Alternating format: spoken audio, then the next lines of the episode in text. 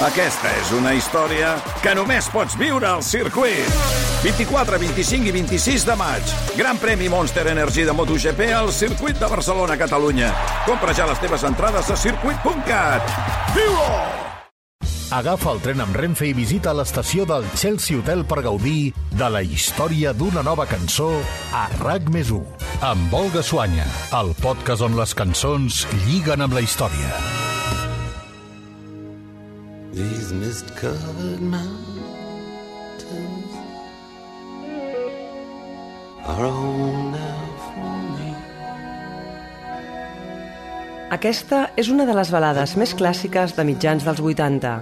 És el Brothers in Arms, una de les cançons més icòniques de Dire Straits i la que dona nom al cinquè àlbum d'estudi que va editar aquesta formació britànica. La veu i la guitarra de Mark Knopfler ens porten a través d'aquest tema melancòlic fins al paratge desolador d'un camp de batalla. Però com descobrirem en aquest episodi, l'enfrontament que relata no només es lliurava entre soldats de dos bàndols.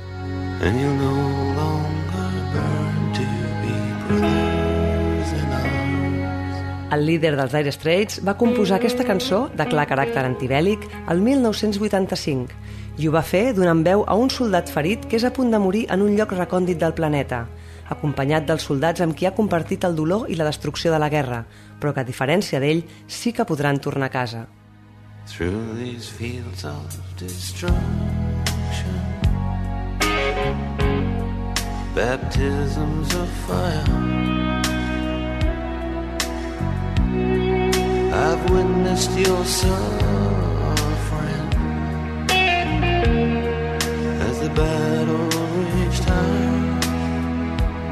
Però en què es va inspirar Knopfler per descriure aquest particular camp de batalla entre muntanyes cobertes de boira? Doncs en un conflicte armat real i que com a britànic li va tocar de molt a prop, la Guerra de les Malvines. La Guerra de les Malvines va ser un conflicte bèl·lic que va enfrontar el Regne Unit amb l'Argentina l'any 1982 per la disputa d'aquestes illes de l'Atlàntic Sud. Va començar quan la decadent dictadura militar instaurada a Buenos Aires en aquell moment va decidir envair el petit arxipèlag que estava en mans dels britànics des del 1833. La resposta del govern de Margaret Thatcher no es va fer esperar i va enviar el seu exèrcit per recuperar el territori. Remain British territory. No aggression and no invasion can alter that simple fact.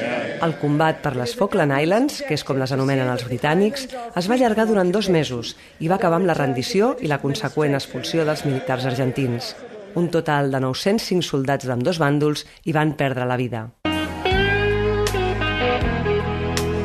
Com la resta de ciutadans del Regne Unit, Mark Knopfler va seguir de ben a prop aquesta guerra que es cobrava la vida dels seus compatriotes a 12.000 quilòmetres de casa. I tres anys més tard va recollir el sentiment d'impotència que sentia en aquesta cançó. So.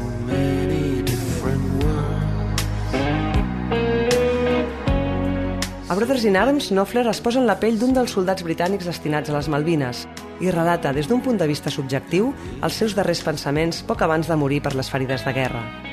Per al títol va agafar l'essència d'un comentari que va fer el seu pare sobre el conflicte. Un comentari on es referia als soldats enfrontats en aquella guerra com a germans en armes.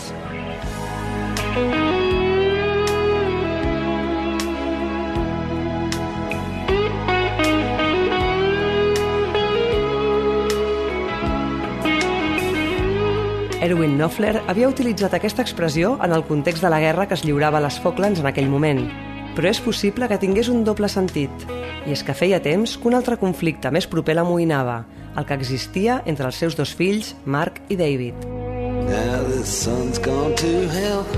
Tots dos havien tocat plegats als Dire Straits durant els primers anys de la banda, però una discussió en plena gira va fer que se separessin i que la relació entre tots dos es trenqués convertint-los així en germans en guerra. Els Dire Straits van ser una de les bandes referents dels 80, però els seus inicis no van ser tan fàcils. Abans de dedicar-se professionalment a la música, Mark Knopfler va desenvolupar una breu carrera en el món del periodisme, com a redactor de cultura del Yorkshire Evening Post de Leeds. Durant un parell d'anys va escriure ressenyes de bandes locals i cròniques de concerts d'artistes que visitaven la ciutat. Però quan el 18 de setembre li van encarregar escriure la crònica de la mort de Jimi Hendrix, va quedar tan commocionat per la notícia que va decidir deixar el món de la premsa i tornar a la facultat per iniciar els estudis de filologia anglesa. En aquesta segona etapa universitària, Mark Knopfler ja tocava amb alguns músics locals que havia conegut durant la seva estada al diari i un cop llicenciat va traslladar-se a Londres decidit, ara sí, a obrir-se camí en el món de la música.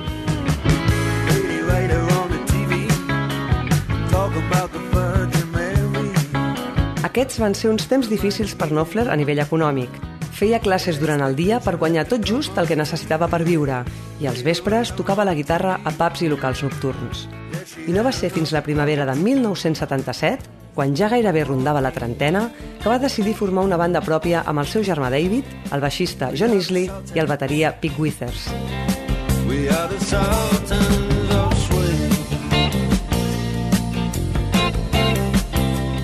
Inicialment es van anomenar Café Racers, però al cap de pocs mesos van decidir canviar aquest nom pel de Dire Straits, una expressió que en català podria traduir-se com passar les magres, en al·lusió a la delicada situació que vivien en aquella època. Un any més tard, amb una inversió que van haver de posar de la seva pròpia butxaca, van editar el seu àlbum de debut, un disc que, especialment gràcies a Sultans of Swing, va marcar de forma molt positiva l'inici de la seva carrera.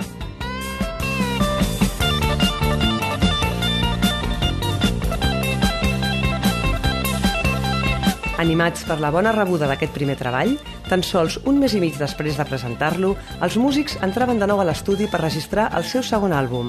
El van titular Comuniqué i, publicat el juny de 1979, recull un total de nou cançons que la banda va recuperar de maquetes gravades en sessions anteriors.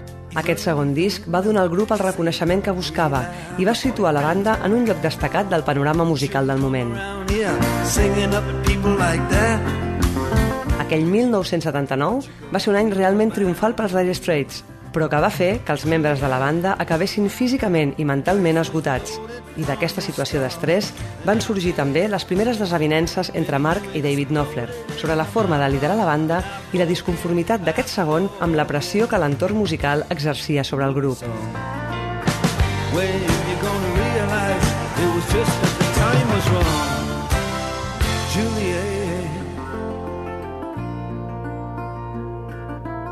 La tensió entre tots dos va greujar-se en els mesos següents i l'agost de 1980, durant la gravació del seu tercer disc, Making Movies, David Knopfler va anunciar oficialment la seva retirada de la banda.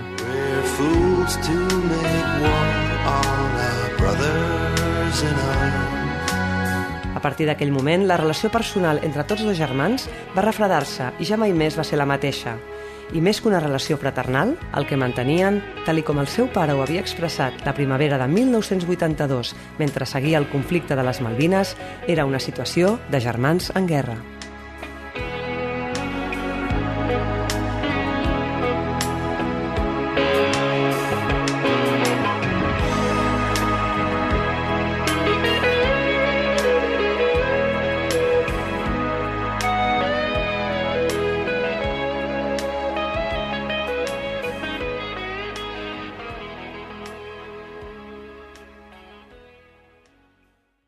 El tren de Renfe, amb parada a Chelsea Hotel, reprendrà el seu viatge i tornarà dissabte que ve amb noves cançons a RAC més amb Olga Suanya, el podcast on les cançons lliguen amb la història.